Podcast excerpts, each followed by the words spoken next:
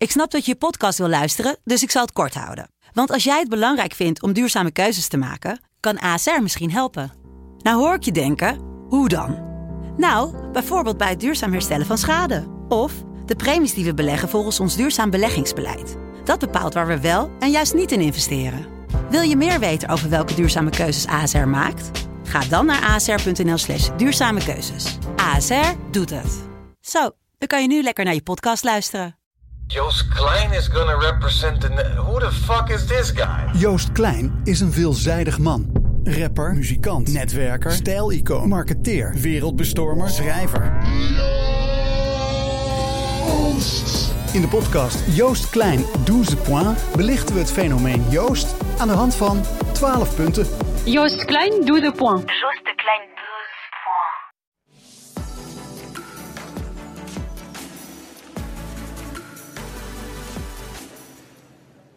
Een hele goede middag. Het is weer vrijdag, dus een nieuwe Talk of the Town. En we hebben een hele gevarieerde uitzending waar ik heel veel zin in heb. Een hele volle tafel. Ik kom zo meteen bij mijn eerste gasten eh, uit. We gaan het vandaag hebben over eh, mensenhandel. Volgende week de Europese Dag tegen de Mensenhandel. Een belangrijk onderwerp. En dat lijkt soms ver van je bed, maar is ook dichtbij. Hier in Nederland. En we gaan het hebben over het dorpje Oranje. Kent u misschien wel van die mevrouw die heel hard riep: dikke BMW, dikke BMW. Uh, maar daar was veel meer aan de hand. Uh, 1400 vluchtelingen kwamen naar een dorp waar maar 150 inwoners woonden. En uh, filmmaker Sander Franke dacht, ik ga dat volgen, kijken wat daar gebeurt.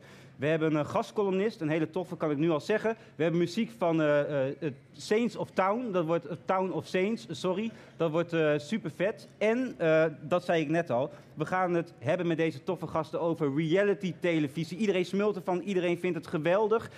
en wij hebben drie hele grote gasten. Twee uit het noorden, Annemiek en Prince Charming uit, uit Limburg. Marvin Fijntje, de band en Ferdi. we gaan ervan smullen. En Linda Duits, mediawetenschapper. Kortom, het wordt een toffe uitzending. Dit is Talk of the Town. Ja, heel fijn dat uh, mijn gasten er zijn. Ik zei het al, iedereen smult van reality tv. Uh, ik zat er net nog naar te kijken. Uh, de dansmarathon op SBS 6, 50, 50 uur lang dansen. O.O. Gesso, Temptation Island. Iedereen smult van Prince Charming, Expeditie Robinson, Boer zoekt vrouw. Kortom, genoeg om te zien. En ik wil eigenlijk even bij jou beginnen. Linda Duits, mediawetenschapper. Ja, wat is nou die aantrekkingskracht, denk jij, van reality tv? reality televisie draait om echte mensen. Ja. In, uh, die echte emoties beleven. In een context die dan weer niet echt is. Ja. Uh, en uh, ja, echte emoties vinden we gewoon heel erg aantrekkelijk. Dus we zijn mensen, we zijn geïnteresseerd in andere mensen. In hoe andere mensen reageren. in de verhalen die daar bestaan. In de relatievormen die mensen hebben. Nou, daar keken we vroeger ook altijd al Ja. naar. In soapseries en dramaseries. Totdat reality werd uitgevonden en mensen het niet meer naspeelden. Um, maar die echte emoties ja, uh, gingen beleven onder uh, druk of onder manipulatie van televisiemakers. Hou dat even vast, want dat is een interessant onderwerp. Ik wil even naar de gasten toe gaan. Ook Prince Charming, uh, fijn dat je er bent. waarom dacht jij, ik ga meedoen aan dit programma? Nou, dat is een heel makkelijk antwoord eigenlijk. Ik dacht alleen maar, waarom niet? Ja? Um, ik was op dat moment happy single. En ik dacht, als er iets op mijn pad komt om iemand te leren kennen, dan uh, komt dat vanzelf wel. Nou, toen werd ik benaderd door ITV Studios. Ja, en hoe ging dat dan? Hoe werd je benaderd voor zo'n ja, programma? via Instagram. Dan krijg je gewoon een berichtje? Ja. Wat staat daarin? Ik kreeg een berichtje van, uh, hoi, uh, zou je interesse hebben om mee te doen met een tv-programma? Kun je nog niet te veel over zeggen, wat is nieuw? En toen zei ik, ja, ik wil wel meer weten. En ja, drie weken later zag ik in het vliegtuig. En, en, en Ferdi, hoe zit het bij jou? Waarom dacht jij, ik ga meedoen aan het programma? Eigenlijk hetzelfde verhaal. Het is, uh, ik kreeg een berichtje ook van, uh, nou, wil je meedoen aan een tv-programma? Uh, mijn relatie was net uit. Ja. Um, en toen dacht ik ook, waarom niet? Ik heb wel echt, nou, echt meerdere malen gevraagd van, wat voor programma is het? Want het was onbekend. Mm -hmm. En ik wilde niet dat ik um, in Ex on the Beach of Temptation of zo'n soort programma terecht zou komen. Waarom niet zo'n soort programma? Ik vind, dat, ja, ik vind het heerlijk om naar te kijken, want ik bekijk het allemaal. Maar ja, um, ja nee, ik hoef niet zo op tv. Snap je dit, Linda, wat, wat hij nu zegt? Van dat Temptation Island, dat misschien liever niet? Ja, er zit natuurlijk een heel groot verschil tussen verschillende soorten reality-televisieprogramma's. Uh, dus ik uh, heb graag uh, heel Holland bakt als het ene uiterste, zeg maar, wat allemaal heel lieflijk lijkt. Ja, ja. en aan de andere kant inderdaad Temptation Island, Ex on waar the Ex on the Beach waar eh, de manipulatie van de makers eh, meer dui- duidelijker, duidelijker is. En er natuurlijk ook heel wat op het spel staat, want het gaat over je relatie. Mhm. Ehm, tegelijkertijd, alle reality is reality. Alle reality televisie is manipulatie van makers. Het zijn allemaal onechte situaties. Maar kan je dat even uitleggen? Want misschien, want jij zit dan in de tv, hè? Maar, maar wat is dan manipulatie van de makers? Om er toch al op in te springen. Nou ja, sowieso al. Kijk, manipulatie klinkt als een beetje evil term. Maar Ja. manipulatie is ook al dat je in een context gezet wordt die niet echt is en waar jij eigenlijk geen controle over hebt. Dus dat kan ook de heel Holland Bakt Mhm. studio zijn. hè. Ja. Daar ben je ook niet uit jezelf ingelopen. Eh, en vervolgens eh, creëren makers situaties die gaan leiden tot emoties. En dat kan zijn dat je een spel moet spelen of dat je iets moet bakken in heel weinig tijd. Hè. Dus dat zijn Maar dat hebben de makers nodig. dat hebben die makers nodig. Ja, want er moet wel, eh, er moet op de een of andere manier een vorm van uitdaging, of wat wij dan conflict noemen, Ja. eh, eh, komen. Omdat er anders, ja, dan gebeurt er niks. Het is eigenlijk net als een echte film. Dat moet ook bij de reality-series Er, gebeuren. er moet iets gebeuren, ja. Dus je hebt een beginsituatie, dan komt er een soort uitdaging. En op een gegeven moment moet dat dan allemaal weer tot een soort evenwicht komen in zo'n in zo'n aflevering. Maar dus die makers die manipuleren eh, die situatie zodat er emoties naar boven komen. Dat kunnen blije emoties zijn of dat kan ruzie zijn. Maar er moet iets van emotie naar boven komen. En die ma- makers manipuleren vervolgens ook nog hoe zij mensen in beeld brengen. Dus ze kunnen zeggen. eh, dat zeiden ze niet, hè, maar de boze Ferdy, hè, die, eh, die, die, Ja. heeft weer, die heeft weer eens wat. En als een voice-over dat steeds zegt, dan is dat voor de kijker heel fijn. Want dan heb je personages, herkenbare karakters. Eh, maar als, eh, als persoon die deelneemt, ja, heb jij dat niet onder, onder controle. Jij weet het allemaal als, als, als media-expert, als kenner. Eh Annemiek, even naar jou toe. Jij werd benaderd voor Boer Vrouw. Hoe is dat bij jou gegaan? Waarom eh, dacht jij, ik ga meedoen? Nou, dat dacht ik in het begin helemaal niet eigenlijk. Ehm, ja, ik eh, ben opgegeven. Ja. En toen dacht ik eerst nog, ja, ik ben 25 en eh, nee, laten we, dat maar, laten we dit maar niet gaan doen. Mm. Maar ja, ze hadden toch wel interesse in mij, zeg maar. En dus uiteindelijk heb ik me laten overhalen om, eh, om mee te doen. Maar dat zeggen jullie net ook. Eigenlijk krijg je een berichtje of, of hey, je wordt opgegeven Nou, door iemand ja. anders. Eh, en dan weet je eigenlijk nog niet helemaal wat Linda nu net zegt. Dat, dat die makers op zoek zijn naar personages, naar karaktereigenschappen vergroten.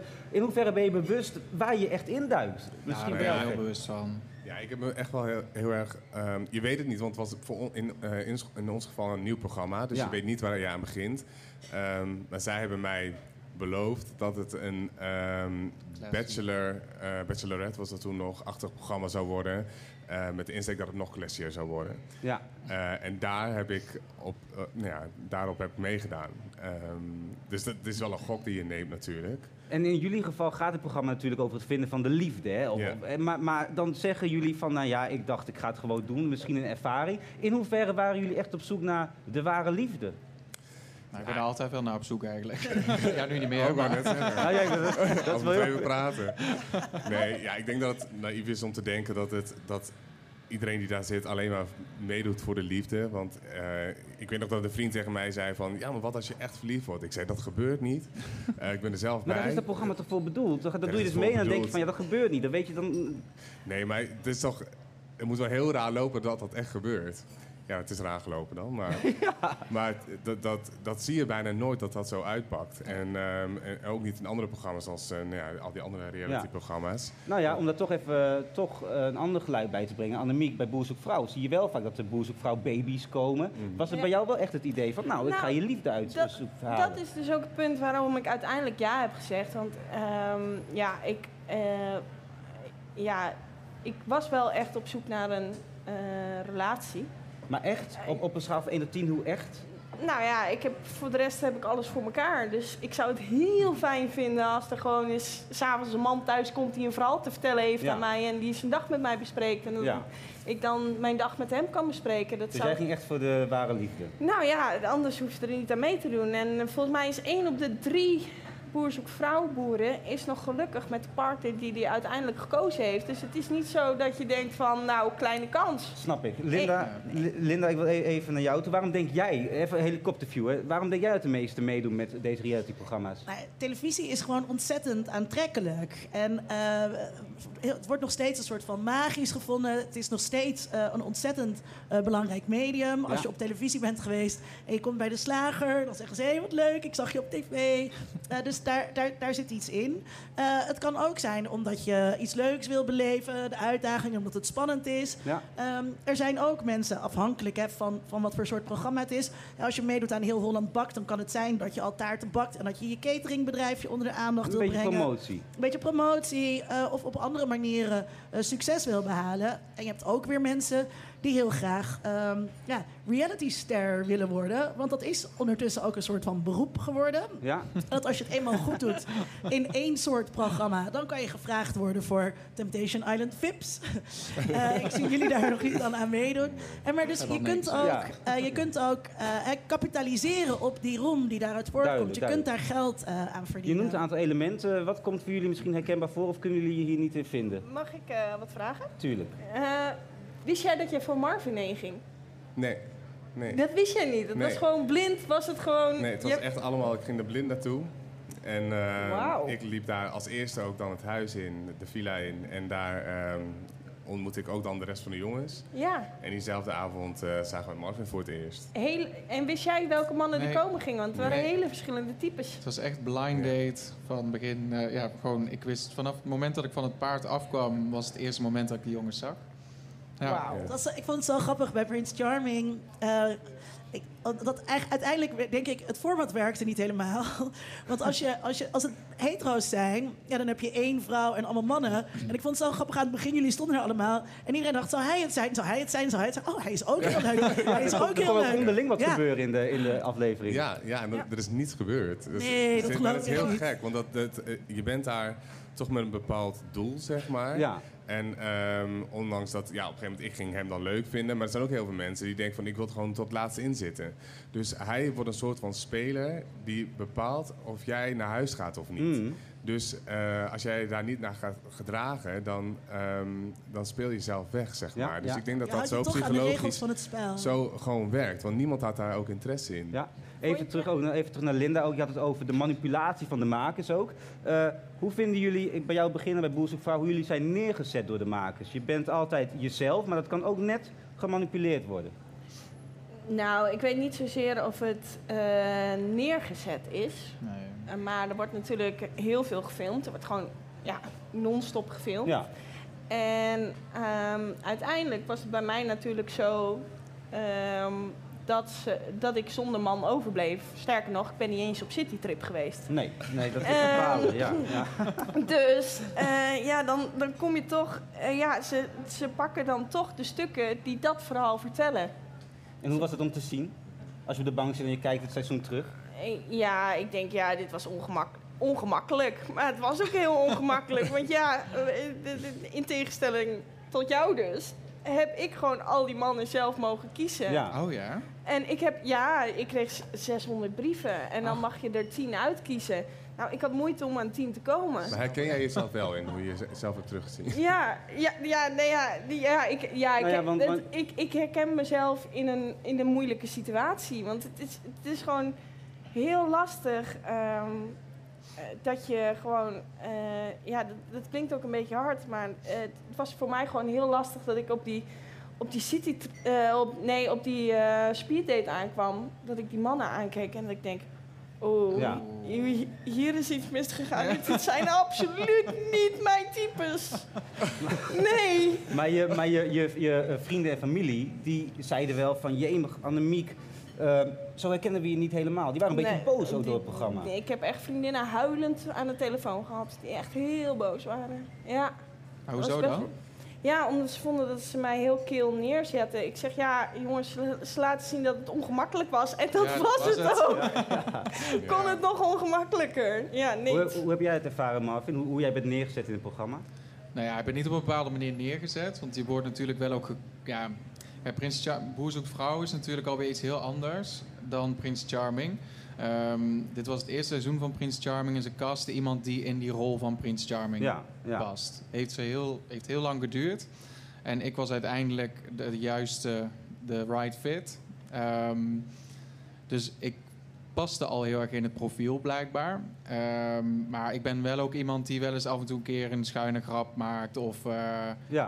best wel. Ik ben best grof gebekt ook af en toe. Kijk, dat soort dingetjes laten ze dan eventjes weg in de montage. Want in een van de afleveringen zijn wij door eh, eh, een of andere wildwatergrot aan het lopen. Nou, daar heb ik echt, wij allebei, heel veel staan schelden. nou, dat zie je in de aflevering niet terug. Jij, jij Linda, zei bijna, jij zei van het, ik vind het soms onethisch, ook, ook eh, reality-programma's. Ja, je kunt eigenlijk niet op een ethisch verantwoorde manier reality-televisie maken. En dat komt omdat er een fundamenteel machtsverschil is tussen de deelnemers en eh, de makers. Ja, ja. En die makers hebben de eindcontrole. en dat geldt dus ook voor, voor Heel Holland Bakt of voor, voor Boer Zoekt Vrouw. Ook programma's die met de beste bedoelingen... Hè, dus die mediamakers zijn echt niet allemaal kwaadaardige geesten Nee, nee. met de beste bedoelingen worden eh, gemaakt. Kijk, uiteindelijk is het doel van de makers om goede televisie te Zeker, maken. tuurlijk. Fijne televisie of spraakmakende Belangrijk televisie. misschien wel dan de ware liefde vinden. Veel belangrijker, dat, dat doet er natuurlijk helemaal niet toe. Dat is het voorwendsel. Eh, en eh, eh, als deelnemer heb je heel weinig zeggenschap. Mhm. Dus je, je hebt weinig zeggenschap over hoe je in beeld gebracht gaat worden. Eigenlijk Ja. helemaal niet, dat weet je van tevoren niet. Daar kan je mazzel mee hebben. En je, komt, je kan er leuk uitkomen. Maar ook bij Heel Holland Bakt weten we dat mensen zich als bitch neergezet Mhm. hebben gevoeld... Terwijl, ze dat, terwijl ze dat onterecht voelden. Dus je hebt geen controle over hoe je wordt gerepresenteerd. Niks over de montage, niks over die voice-over die hier komt. Ja, En het is heel lastig om in te schatten ook wat het met je gaat doen. snap ik. En we weten uit interviews met makers dat eh, al die makers eh, eh, zeggen allemaal: ik zou zelf nooit meedoen. nou ja, en dat is toch wel een beetje een teken aan de wand eh, van, die, van die ongelijkheid. Ja, ja. ja, En, en nog één rondje. Wat voor reacties hebben jullie gehad op Prince Charming, jij op Boerzoekvrouw en Expeditie Robinson? Ja, alleen maar positief eigenlijk. Echt heel goed. In ieder geval de deelname aan Prince Charming alleen maar goede reacties. Ja. Ehm, ik heb één week wat eh, minder leuke reacties gehad. En dat was in de periode tussen de finale en de reunie. Want bij de finale koos ik natuurlijk niet Iemand voor. Verdi. Ja, ja. Ehm, en dat werd mij niet in dank afgenomen door alle eh Nee. Verdi-sympathizers. en, ehm, maar daarna was het weer een explosie van positiviteit. En echt alleen maar eigenlijk. Hoe is dat bij jou, Annemiek? Mensen zijn eh, vooral over mijn deelname aan expeditie echt eh, heel lief, heel positief. Lekker ja. toch? Ja. En, en wat, Ik- wat staat er te wachten? Nog voor jou heel Holland Bakt misschien een keer? Oké, nou, laten we dat niet doen. Nee, ik ben echt geen keukenprinses. En- en Misschien jullie ambities? ambities? Ambities niet per se eh, op tv-gebied, maar ehm, er komt vast wel wat leuks aan. Dankjewel Marvin, Freddy, Linda en Annemiek. Dank jullie wel. Yes.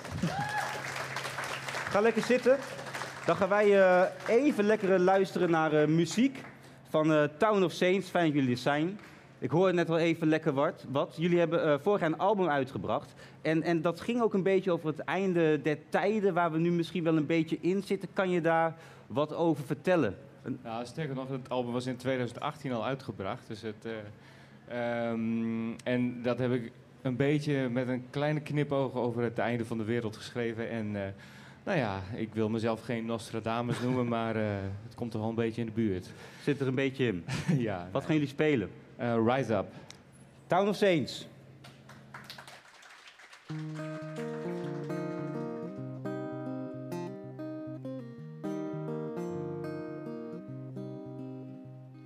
The swimmer wrung his soul out of his last good days. Something he mistook for a good deed. Drove home, kissed his wife, took his car into the countryside. Watched the sun go down over the redwood trees. He said, Change will come if you create space for it. But it's too late for me to open up. The strain of getting older makes the choices easier. But I'm not gonna fight before I stop we are rising up. Tomorrow we'll be standing up against our will. We could leave it all just like it is, there would be nothing more.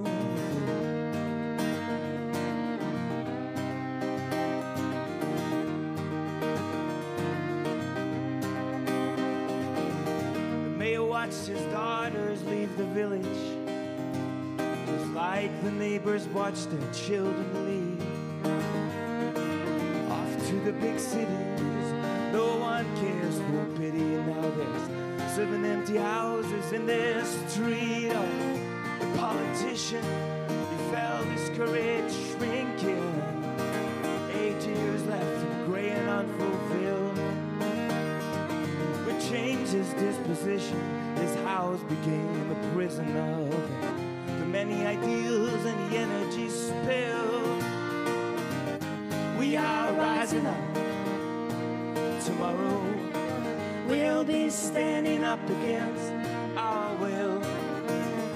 We could leave it all just like it is. There would be nothing wrong with this one. Oh, novel, don't get to see who is behind it all. Might be the start of something unprecedented.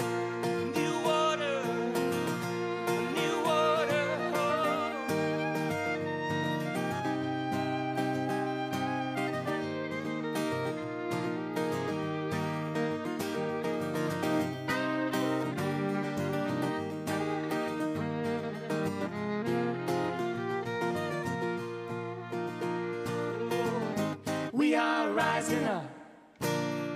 Tomorrow we'll be standing up against our will. We could leave it all just like it is. There would be nothing wrong with this because we are rising up.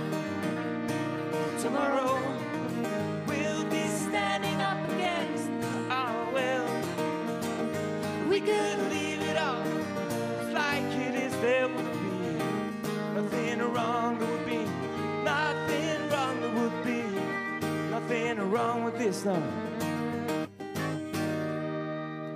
Town of Saints, dames en heren. Dank jullie wel.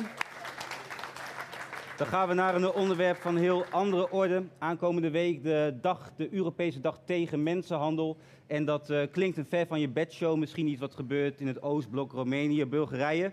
Maar het is dichterbij dan je denkt. Eh, ook niet alleen maar loverboy, zoals dat misschien vroeger was met een grote witte BMW op een schoolplein. Maar het gaat tegenwoordig veel geraffineerder. Via internet veel. Eh, we hebben hier Ingrid uh, IJsma aan tafel. Dankjewel dat je er bent. Van het Expertise- en Behandelcentrum 4 in Leeuwarden, waar de slachtoffers van mensenhandel ook worden opgevangen. Eh, Ingrid, ik probeer het al een beetje uit te leggen. Mensenhandel, een groot begrip, ver van je bed. Hoe zou jij het uitleggen? Nou, het, het- wat ik wel mooi vond toen, wij, toen ik net binnenkwam. Hè, je kent Vier natuurlijk. Hè, Ja. je bent amba- ambassadeur, daar zijn we heel blij mee. Dankjewel. En Ja. eh, wat jij zei is van eigenlijk zijn die meisjes heel gewoon. Hè? Je ziet niet aan ze dat zij slachtoffers zijn geweest van mensenhandel. Ja. En dat is eigenlijk wel een beetje de kern. Het is het meisje wat je buurmeisje kan zijn. Die, eh, waar je niet aan de buitenkant ziet dat zij eh, verhandeld is. Klopt. En ehm, het probleem is dat wij ook zien dat ze veel jonger worden steeds. De meisjes die we binnen hebben zijn vanaf 12 jaar. En ehm, dat heeft, internet heeft een hele negatieve invloed. Zoals wat je zegt, tien jaar geleden was het een proces van ehm, manipulatie met eh, cadeautjes en op het schoolplein en proberen aandacht te trekken. Het is Ja. veel sneller, want Ja. het is via Instagram, het is via Snapchat, contacten leggen, die meisjes afspraken maken. En ehm, voor ze het weet zit ze in een auto op weg naar een pand en moet ze gedwongen seks hebben met vijf jongens. Vreselijk. En als ze het niet doet, wordt ze mishandeld of wordt er gedreigd dat haar zusje wat aangedaan wordt. Vreselijk. En, en dat is dus eigenlijk wat je net zegt, ook verhandeld. Dat, dat Ja. klinkt zo gek, dat het bij een mens verhandelt. Ja. Wat, wat, wat, wat zijn nog meer voorbeelden van mensenhandel waarbij die meiden worden verhandeld? Nou ja, het- die meiden worden verkocht en hun, hun lichaam wordt verkocht. Dus dat is mensenhandel. Ja, en ehm, dan inderdaad, internationale mensenhandel is vrouwen met kinderen die dan vanuit door de hele wereld worden gepompt. Dat is ver van je bedshow. Maar ehm, het, is, het is veel breder dan dat. Klopt. En in Groningen is er een groot probleem. In Leeuwarden is een groot probleem. En dan denken ze ook dat is vaak in de Randstad. Ja. Maar hier zitten ook allerlei netwerken waar die kinderen eh, slachtoffer van eh, zijn geworden. En wat je zegt, het zijn, het zijn ook kinderen soms. Want even ter verduidelijking, ik ben ooit voor een spuiten en slikken item bij jullie geweest, eh, bij vier. En dan heb ik ook de meiden ontmoet die echt ook slachtoffer zijn geworden van die Loverboys. Ja. De meest verschrikkelijke verhalen gehoord. Eh, ik herinner een meisje die vertelde mij, ik moest voor een webcam zitten, eh, van alles uittesten, uitproberen voor onbekende mannen. Eh, wat jij ook zegt, soms worden meiden uit panden weggehaald, ook door de politie. Eh, het is zo schrijnend, maar die meiden zijn soms ook nog maar... Nou ja, wat zijn de, de leeftijden waar we het over hebben, de jongste? 12 jaar. En, en hoe, komen, hoe, komt, hoe komen zij in contact met, met, met loverboys? Wat is de tactiek ook van de, van de daders? Nou ja, de term loverboys vind ik sowieso niet passend. Hè. Wij hebben liever, eh, ik gebruik meer pooienboys. Ja, ja. Ehm, het, het gaat allemaal via internet. Dus wij weten dat de wereld in, van onze kinderen op het internet veel groter is dan dat wij weten. Mhm. Dus zij hebben contacten binnen no time met, met iedereen. En eh, dat zijn vooral die jonge meiden, die kunnen de gevolgen absoluut niet overzien. En wat gebeurt er dan? Wat voor gesprekjes zijn het dan? En wat- Nou, hoe ik gaat vind, het je, verder? ik vind je knap, ik vind je mooi. En eh, nou, het zijn vaak mei- meiden die al wat een extra kwetsbaarheid in Mhm. zich hebben. Dus je ziet ook wel dat er in de gezinssituatie al vaak eh, huiselijk geweld heeft ge- plaatsgevonden. Ehm, waardoor deze kinderen ook iets op zoek zijn naar aandacht. En dan er is ineens een jongen en die vindt jou knap en die wil jou en die wil met je afspreken. En zo'n meisje die gaat afspreken en voor ze het weet zit ze ergens in een pand of eh, vindt ze, denkt ze echt dat, dat, dat hij haar heel geweldig vindt. Er is ook veel drugs wat centraal staat. Ja. En voor ze het weet zit ze in een netwerk waar ze niet meer uit kan komen. En dan is de schaamte enorm, dus ze durven er ook niet thuis over te praten of op school. Nee. Dus eh, daarin hebben we echt wel een heel verborgen probleem Ja. waar ik me wel zorgen over maak. En hoe komen ze uiteindelijk toch bij jullie terecht als er zoveel schaamte is? En je komt niet van die... Van nou, die... wat, wat mijn zorg wel is, is dat ze heel laat bij ons terechtkomen. En Ja. We hebben nu bijvoorbeeld de hele jeugdzorg decentraal geregeld. Dat betekent dat er heel veel in de gemeente zelf blijft. Maar als het, eh, deze problematiek, als we dat niet goed genoeg signaleren en tijdig de juiste hulp inzetten, dan zie ik bijvoorbeeld dat ik kinderen pas binnenkrijg als ze al in een crisisopvang hebben gezeten of in een pleeggezin of dat wij instelling nummer 10 zijn. Dus dat vroeg signaleren is heel belangrijk. Ja. Maar ook ehm, tijdig opschalen. En wat gebeurt er als de meiden eenmaal bij jullie zijn? Ik weet het, maar wat, Mhm. wat, wat, wat leren jullie ze? Wat doen jullie met ze? Nou, ik zou iedereen ook willen aanraden om in ieder geval de aflevering 5 Days Ja. terug te kijken. Want daarin is echt goed te zien wat we dus intern aan het doen Dat zijn. als je vroeger loopt daar vijf dagen ja, eigenlijk mee is vijf bij dagen eh, Ja. binnen geweest. Dus je ziet... Kijk, wat wij doen is dat wij... eh, we zeggen altijd, verleden heb je, toekomst kan je maken. Dus we zijn heel erg bezig wel met die trauma's die allemaal zijn gebeurd. Maar ook met de toekomst. Dus Ja. kinderen zijn, zijn erg beschadigd in hun zelfbeeld. In de persoonlijkheidsontwikkeling. Dus dat zijn we ook mee bezig. Diploma halen, sporten. eh, waar ben je goed in? Wat vind je leuk? Hoe Succes- kunnen we jou... moeten weer succesmomentjes, Ja, zelfvertrouwen ja, krijgen. zelfvertrouwen, zelfbeeld herstellen. En natuurlijk die traumabehandeling. Schrik jij nog wel eens? Ja, zeker. En, en, en wanneer, wanneer, op wat voor momenten? Als ik de verhalen hoor van die meiden, eh, dat, het raakt me eigenlijk altijd. En ehm, bijvoorbeeld met 5 Days Inside, dan ben ik drie dagen ook intern. En dan hoor ik die verhalen van die meiden en dat raakt me elke keer weer. Dat ik denk, een kind. Heb je, heb je voorbeelden? Wat voor verhalen? Een, een meisje wat, wat stelselmatig verkracht wordt. Een jongen, laten we dat ook niet vergeten, die vanaf zijn achtste tot zijn dertiende eh, dagelijks verkracht wordt door zijn vader en zijn moeder. Ja, Nee, dat- joh. Dat, dat raakt je ten diepste. Ehm, en, en laatst weer een telefoontje dat er een meisje onderweg is... die van binnen helemaal kapot is omdat er met glas is Nee, bewerkt. Eh, Het moet, moet, moet geopereerd worden. Ja, Vreselijk. ja. Hoe, hoe kunnen we dit dan toch oplossen? Want, want eh, jij werkt er al jaren. Ik, ik was er drie jaar geleden, denk ik. Natasja was er eh, eh, Ja. Vorig jaar. Hoe, hoe kunnen we ervoor zorgen dat het een keer de wereld uitgaat? Ja, dat is, dan moet de kraan dicht. Dus we zijn heel erg bezig met die slachtoffers behandelen, maar de kraan moet ook dicht. Dus zonder dader hebben we ook geen slachtoffer. Dus daar, aan die kant moet heel wat gebeuren. Ja. Eh, maar het vroegtijdig signaleren. We hebben nu een stelsel gecreëerd met alles decentraal, waar heel veel mooie dingen aan zitten. Maar als het gaat om deze doelgroep, moet je echt wel dat landelijk goed eh, regelen. Dus we, dat vind ik wel een grote puzzel. Van hoe gaan we dat nou eens goed doen met z'n En, allen? en jij was ook best wel stellig, want ik sprak je al even over dat seks, dat, dat mensen kopen nog seks. Daar moet Ja. ook iets gebeuren. Wat Ja. bedoel je daar dan mee? Nou ja, eh, eh, we tolereren met z'n allen nog dat seks verhandelbaar is. Dus eh, nog steeds bestaande bordelen, nog steeds is seks te koop. Ja. En ik, ik ken geen enkel... Maar moeten die bordelen dan allemaal dicht? Dan moeten prostitutie Nou dicht? ja, weet je, dat is een heel ingewikkeld thema. Maar de scheidslijn tussen gedwongen prostitutie en vrijwillige prostitutie vind ik heel smal. Ja. Ik ken geen vrouw of, of meisje die als beroepskeuzetest vroeger in Nee, heeft gevuld. ik ook wil niet, nee. graag prostituee worden. Dus dat is een heel, hele dunne scheidslijn. En ehm, waarin de, de gedwongen prostitutie heel nauw samenwerkt. Of tenminste, ja, Ja, ja. dat is een ingewikkeld probleem. En, en wat vind je het mooiste van je werk, als we dan toch positief proberen af te sluiten? Nou, de, de- wat die meiden kunnen, de kracht, de veerkracht, eh, wat we dan bereiken als een kind weer helemaal happy en goed haar toekomst ingaat. Ja. Ja, daar word ik blij van. Laten we hopen dat er meer mooie gevallen ook weer uitkomen. Dat ze goed weer terug de maatschappij ingaan. Dankjewel Ingrid IJsma, dankjewel. Ja, dan gaan we naar het, eh, het laatste onderwerp. Ik zei het op het begin al eventjes. eh, het dorpje Oranje kwam landelijk op de kaart te staan in 2014. Eh, toen daar een mevrouw eigenlijk heel hard riep eh, bij een auto die bijna over haar heen riep. eh, dikke BMW, dikke BMW. Oh, we gaan eerst naar de column nog. Oh, ik wilde eigenlijk direct naar Oranje.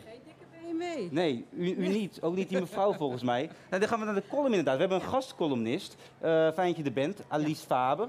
Ehm, waarom dacht jij, ik ga een column insturen? Nou, eerlijk gezegd had ik hem al op de plank liggen. Oké. Eh, en ik eh, wist niet zo goed wat ik ermee moest. Maar ik dacht, er komt vast een keer een gelegenheid dat, hij dan, eh, ja, dat ik hem voor kan dragen ergens. Ja. En toen zag ik de uitnodiging voor een wild card. En toen dacht ik, nou, ik ga hem opsturen. En toen had ik ook nog Toen won je. Ja. Ja, ben je, je bent een winnares, hè? ik ben de winnares. Je bent de winnares. Waar haal je je inspiratie meestal vandaan? Nou, dit is heel autobiografisch, wat Ja. ik straks eh, voor ga dragen. En eigenlijk is dat ook wel... eh, ik ben ook nog theatermaker en zo sta ik ook wel in de wereld. Ik zie, kijk en luister goed om me heen. En overal ligt het drama gewoon op straat. Zo simpel is het. Ik ben heel erg benieuwd. Veel Goed. succes. Dankjewel. Eh de titel van de column is Sorry meisjes. Vandaag moet ik naar de Tietenpletter, app ik mijn vriendin. De eerste oproep kreeg ik met de post toen ik 50 werd. Ik weet het nog goed. Samen met een oproep van Pearl, die me bij wijze van een verjaardagscadeau een gratis oogmeting aanbood. Maar ja, ik kon al die kleine lettertjes zelf nog best lezen. De brief van het borstonderzoek belandde dus bij het oud papier. Ik zat midden in de scheiding en ik had wel wat anders aan mijn hoofd. Misschien was ik wel een soort borstonderzoek, wappie. Alleen bestond er toen nog geen naam voor. De overheid hield stug vol. En twee jaar later wisten ze me weer te vinden op mijn nieuwe adres. Ik besloot me er toch maar wat beter in te verdiepen. En ik deed een rondgang langs mijn vriendinnen. Ik zette alle argumenten op een rijtje. En eigenlijk had ik niet genoeg om te weigeren. Dus ik kwam braaf opdraven. Borstkanker komt tenslotte in de beste families voor. En geen gebruik maken van dit vrouwenrecht, ja, dat leek me een beetje ondankbaar. Ik hield er een heupblessure aan over. Ik was nog een groentje, ik was 52 jaar en ik liet me door zo'n kordate dame in een witte jas in een vreemde stand duwen. Zodat mijn borst goed op de plaat zou liggen. Ze duwde en ze trok zo gemeen aan mijn onderstel dat mijn heup bijkans bijna uit de kom schoot. Wiebel, wiebel, krak. Maandenlang krakkemikte ik met een pijnlijke heup. Ja, en nu zit ik weer te wikken en te wegen. Want ja, wij vrouwen moeten het toch als voorrecht zien in Nederland en niet als mishandeling. Toch ben ik na die ervaring wel behoedzaam geworden en ik denk, ja, maar ik ken mijn titel toch beter dan wie dan ook. Ik draag ze al 57 jaar met me mee. En als ze weer op de foto komen, dan toch echt graag in een vrouwvriendelijke pose. Ik heb me verdiept in het zelfonderzoek. Dat wij vrouwen gewoon thuis kunnen doen. En wat toch echt wel wat zachter en wat persoonlijker overkomt. Maar ja, misschien gaat het wel net zoals met die coronavaccinaties. Echt weigeren, dat voelt wel als een statement. Als je plicht verzaken. Als niet solidair zijn met de slachtoffers. Lees al die prachtige vrouwen met borstkanker en hun zware strijd. Oké, goed. Ik ga me vermannen. Ik ga. Binnen in de onderzoekskamer krijg ik het met mijn mondkapje voor steeds benauwder. Ik kijk naar die tietenpletter En ik zie het toch echt als een martelapparaat. De mevrouw in de witte jas legt uit dat het ook nog eens mijn eigen schuld is. U heeft nog veel borstweefsel. Bij de meeste vrouwen van uw leeftijd zijn het vaak slappe zakjes. Ja, dat zei ze. Ik bijt op mijn tanden en de tranen springen in mijn ogen wanneer ze de knoppen nog eens een keer extra aandraait. En iets in mij schreeuwt: oh, dit kan toch nooit goed zijn? Zoveel geweld. Nou ja, dan zit ik weer in het tussenhoekje. En dan strijk ik heel liefdevol even over mijn borst en ik fluister: Sorry, meisjes. Ik moet in dit hokje wachten. Er wordt gekeken of de foto's niet bewogen zijn. Nou, dat lijkt me sterk, want ik werd klemgezet en ik moest mijn adem inhouden. En bovendien, ineens klinkt daar uit het plafond, uit het systeemplafond, een radio. En geloof het of niet, Nathan, ik denk niet dat je dit gelooft. Weet je wat er uit het plafond klonk? Nee. Een reclame voor een crematorium in Groningen. nou, ondertussen klopt die verpleegmevrouw die klopt op de deur. Ik mag me dan weer aankleden. En dan vertel ik haar van de reclame. En dan zegt zij heel droog... ja, trekt u het zich maar niet te persoonlijk aan. Ja, zo zien ze dat hoor. Ze zien me als een nummer, een mevrouw uit een bepaald bouwjaar. En toch vraag ik me inmiddels af: is er niet een wat zachtzinniger apparatuur te, te bedenken? Er studeren zoveel meiden af, hele slimme meiden en ook heel technisch. Die kunnen toch vast wel echt iets verzinnen? Daar zit er zo eentje volgens mij. En misschien kunnen ze ook eens onderzoeken of het mijn zorgen nu echt terecht zijn. Of zo'n tietenpletter ook een averechts effect heeft. Buiten trek ik mijn mondkapje af en ik haal opgelucht adem. Alles is achter de rug en ik heb nog twee jaar om mij opnieuw te bezinnen. En wie weet zijn er tegen die tijd wel twee slappe zakjes. Alice Faber, super. Dat was leuk. We vaker terugkomen, zou ik, eh, zou ik zeggen. Ja, dan mogen we wel naar het eh, laatste onderwerp toe. Eh, gelukkig. Ik ben heel blij dat beide heren aankomen schuiven. Zakwan, fijn dat je er bent. Ik heb je een paar dagen geleden al gezien in Assen. Film in première van filmmaker Sander Franke. Nou, die gaat over Oranje, dorpje in Drenthe. Kennen we ongetwijfeld.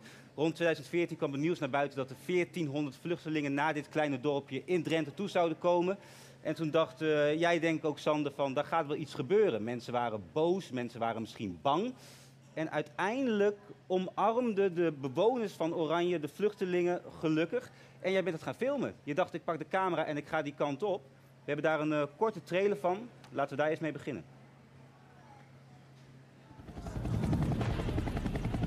dat de asielzoekers al twee keer op de stoep hebben gedemonstreerd.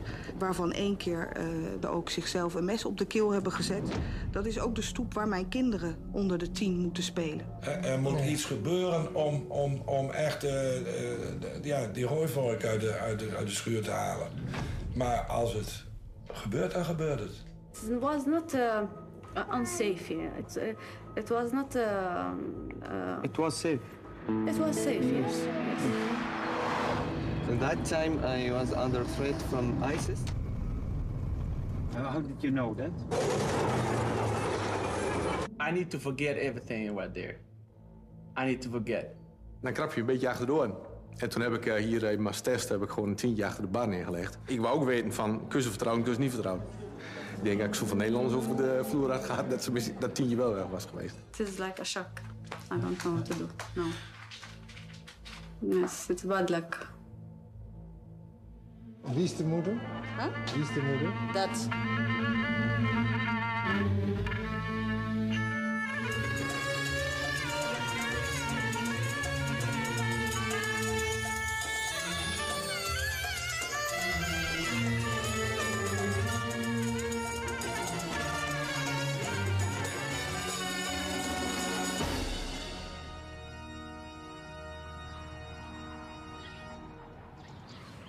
Mooie trailer. Sander, ik eh, wil bij jou eh, beginnen. Gouden Kalfwinnaar onder andere.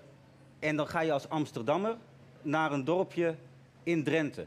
Wanneer dacht je van, ik ga die kant op, ik ga het proberen? Nou, de aanleiding was eh, een, een vraag van een goede vriend van mij, Robert van Landschot. Ehm, eh, en ja, wat wij delen is een, eh, is een, eh, een, een, een, een interesse in de wisselwerking van eh, mensen met verschillende culturen. Ja. Dus dat leek me onmiddellijk interessant. En het was ook de eerste keer in mijn inmiddels toch wel lange carrière dat ik een film zou gaan maken waar ik niets voor had voorbereid. Dat leek me ook interessant. En daarnaast was er geen druk, want ehm, normaal gesproken heb je afspraken met financiers en dergelijke. En er was niets. Hij zei alleen, nou, ik betaalde de directe kosten wel. En, eh, dus eh, ja, zo zijn we begonnen. En het hoefde ook nergens toe te Nee. leiden. En, en wat verwacht je? Je gaat als filmmaker denk ik ook met bepaalde verwachtingen naar een locatie toe of naar een verhaal toe. Nou ja, wij, wij verwachten natuurlijk dat daar, zich daar een, een, een drama zou kunnen gaan voltrekken. Aan de andere kant stond ik open voor, voor, voor alles wat daar zou gaan gebeuren. Ja, Sakwan, we zagen jou ook in de documentaire. Je bent een van de hoofdrolspelers, zo kunnen we het wel noemen. Je bent gevlucht uit Syrië, eh, naar Nederland gekomen. Weet je nog hoe het was toen jij in, in Oranje aankwam? Hoe was dat? Ja, hier is eh, voor het begin eh, niemand weet waar gaat hij. Nee. Even eh, die, eh, die aanvraag voor asielzoeker, dat eh, komt van die overheid, Ja. precies eh, van het END. En ze sturen die mensen waar ze, welke stad is minder druk, ze zoeken waar ze die veilige eh, eh, huizen, wa- waar ze kunnen eh, rustig blijven zitten en Ja, voor het leven. En ja, voor het begin, ik wil graag alleen naar Lotelgest terugkomen. Ja. En lukt het niet, daar is het echt vol. Daarom was ik naar Oranje. En, en hoe was dat? Weet je nog de eerste dagen dat je door Oranje heen liep? Ja, de eerste dagen dat was echt moeilijk voor mij. Was- was heb- moeilijk?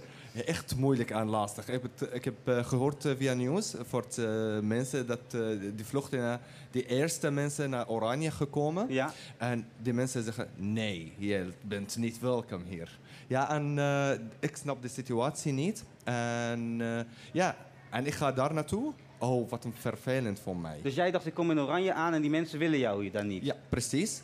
En het eerste week was echt moeilijk voor mij. Dat is niet alleen van die bewoner in Oranje, in dat dorpje, maar die komt van die uh, medewerker zelf, zelf daar. Ja, ja. En ja, en voor het begin, voor het eerste week, ja, ik zie dat. Kom, ga terug naar jouw land. Waarom dat, kom dat, je naar dat hier? zeiden echt mensen tegen jou, ga terug nee, naar je maar land? ik voel het. Je voelde het? Ja, dat eh, die communicatie tussen, ja, als je een hulp nodig hebt en jij gaat, loopt naar iemand om iets te vragen en hij zegt, eh, oké, wat nog? En ja, jij spreekt tegen die sorry. Ik snap en het. ja, maar na een week, na die meer communicatie met de we- medewerker en eh, daar komt een idee. Nee, die vluchtelingen, die, zijn precies als een Nederlanders. Ja, Ze- wie zijn mensen. mens? Ja, en die mensen hebben een slechte mensen of uh, goede. En dat is niet ons keuze om naar hier te komen. Ik heb een oorlog in mijn land. Snap ik. En? En Sander, hoe, hoe heb jij Sakwan, want hij vertelt er mooi over, hij komt eraan in Oranje, denkt niemand wil meer hebben, en langzaam wordt dat wat beter. Hoe heb jij Sakwan leren kennen en dacht, die moet ik in mijn documentaire hebben? Dat is het gevolg geweest van een, eh, een, een tip, een suggestie van iemand die ook eh, kort iets in de film zegt. Die, dat was in een stadium dat Zakwan al lang eh, zelfstandig woonde in, eh, in Zwolle. Ja. Maar nog wel contact had met, eh, met Oranje. Ook vanwege een project dat hij zelf geïnitieerd had. Om eh, meer samenwerking te stimuleren tussen de lokale bewoners Ja, en, ja. en de, de asielzoekers. En omdat zijn vader daar bleek te zitten. Dat wist ik zelf nog niet. Dus dat, dat, zijn, dat waren hele aardige omstandigheden om verder eh, uit te diepen. En je ziet het in de documentaire, jij bent, jij bent heel positief. Op een gegeven moment ben jij weg uit Oranje, jouw vader zit daar nog, maar jij komt toch terug. Want jij wil een soort brug slaan tussen de vluchtelingen en, en de bewoners. Waar, waarom wilde jij dat zo graag doen? Eh, dat eh, begint eh, alleen na eh, rond tien dagen waar was ik in Oranje. En Ja. dat eh, komt als idee om Connection, connection Bridge. En Connection dat gaat- Bridge. Zo, zo, heet- zo noemde je het, zo heet ja, het. Ja. dat is... En dat eh, gaat over die nieuwe bewoner als asielzoeker en met een eh, oranje bewoner. En alleen, kijk maar, misschien alleen voor kopje en koffie kunnen een goede vriend. Mhm. En dat eh, na drie maanden gelukt. Ja. Mensen in het dorp Oranje hebben een mensen van een asielzoeker. En ja, kijk. Echt geconnect. Heel geconnect. En ik heb, niet alleen ik, andere mensen hebben goede contact met de bewoner daar. Sander, dat is één één van de verhalen. Eh, Wat, is jou, wat komt er direct bij je op als je terugdenkt aan het maakproces? Wat is jou het meest bijgebleven naast de verhalen van Sakwan? Eh, ja, over het algemeen dat ik totaal niet wist waar ik mee bezig was. Ik, ik, als je een, een film maakt, dan zoek je toch naar personages Ja. die je kunt volgen, hoofdpersonen zal ik maar zeggen. En eh, omdat er een enorm verloop was in eh, Oranje, eh, had ik iemand gevonden en die, die glipte weer weg. Die werd weer overgeplaatst. Dus Ja. dat gaf mij een erg onzeker gevoel. Dus wat je op een gegeven moment doet, is gewoon blijven verzamelen. En toen het centrum eenmaal gesloten was, had ik het gevoel, nu zijn we klaar. En dan ga je eh, kijken wat je allemaal hebt. Ja. En, en daar moet je dan zonder de blauwdruk die je normaal gesproken hebt als, als in de vorm van een scenario, daar moet je dan iets van zien te maken. En we zagen net in de film, was een man, grote man, Jan Voortman, krullend lang haar. Waarom was die voor beide van jullie een belangrijk figuur? Want die, de film is ook opgedragen aan Jan Voortman. Wil jij daarop antwoorden? Petje Vania? Petje Vania? Ja, nou ja, kijk, eh, wat niemand had verwacht, dat is ehm, dat het hele asielexperiment, wat zonder verder bij na te denken in Den Haag was ontstaan, eh, dat dat eh, een goed en een positief verloop zou hebben, zelfs succesvol zou worden. Had jij ook niet verwacht toen je daarheen ging met de camera? Absoluut niet. En, en daar heeft Jan Voortman, de lokale bloemenkweker, een hele belangrijke rol in gehad. En hoe dan, concreet? Wat, wat, wat doet hij? Wat voor man was het? Nou, het was een man die ehm, eh, veel van de wereld had gezien. Dus daardoor een, een, een, relatief veel grotere openheid had naar mensen die Ja. daar, nou, vreemdelingen en, en, en, en eh, ja, het merendeel ook moslim, eh, in zo'n afgelegen gemeenschap terechtkwam. Die begon heel pragmatisch met een winkeltje. En een winkeltje met exotische waar. En, en dat en werd een enthousiast soort... barbecues organiseren, Ja, dat feesten hij- samen. Dat werd, kwam daarna, ja. Dus eh, hij maakte er een, een pragmatisch eh, geheel van. En, en eh, ja, probeerde daar ook weer eh, wat omzet aan, aan te, Hij, is- maken. hij was het eerste man van die andere zijde van de rivier. Ja. En eh, hij zegt welkom en hij, heeft heel, eh, hij was heel blij mee en hij wilde graag meer mensen helpen. Daarom komt zijn idee als een kleine winkel. En hij wilde graag met, met een nieuw bewoner, zeg maar, contacten. En dat zeg je heel mooi aan de andere kant van de rivier. Want aan die kant zaten jullie, Ja. om het even zo te noemen. En aan de andere kant zaten de bewoners, de Ja. Nederlanders. En hij was de eerste die zei, kom maar. Kom. Ja, en het eerste ontmoeten tussen die nieuwe bewoner in het asielzoekerscentrum en die eh, Nederlandse Ja. bewoner was in zijn thuis. Prachtig. En eh, ja, hij heeft heel prachtig tijd en prachtig dingetje voor ons eh, gemaakt. Ja, En daarom. waarom moet iedereen deze film gaan zien? Eh, dat is... Ben je er trots op? Vind je, het- vind je het mooi om terug te zien, de film? Dat ik kan niet zeggen wel of niet. Ja. Dat emotioneel. Eh, Emotioneel. dit filmpje, weet je, voor ons als vluchtelingen. Eh, ik vertel, eh, verlaat mijn eh, land en Ja. ik moet naar hier komen. En het eerste begint voor mij, dat was in Oranje. Dat is heel veel goede contact met de mensen. Ik zie in, Ora, in dit filmpje Ja. alle Nederland in dit klein dorp. Dat betekent heel veel voor En mij. uiteindelijk hebben ze jullie omarmd. Is het goed gekomen? was heel leuk. En wat heeft Sander met dit filmpje? Ja, precies. Veel mensen met een me- verschillende achtergrond komt in dit filmpje. En hij maakt alle verhaaltje in een Nederland en een andere Weer land. samen. Alleen samen in dit eh, andere half uurtje. En dat was heel prachtig en knap van hem. Ik zou ook zeggen tegen iedereen, eh, ga de film kijken. Oranje, hoe een eh, klein dorp groot kan zijn. Dankjewel Sander, dankjewel Sakwan. Dank jullie wel. Ja, en dan gaan wij zometeen er weer lekker uit met Town of Saints. Eh, heerlijke muziek, net al wat gehoord. En wij zijn er volgende week niet, dan is het de herfstvakantie ook voor ons. Over twee weken wel weer. Zit Lara Harbers hier. Tot dan en heb een fijn weekend.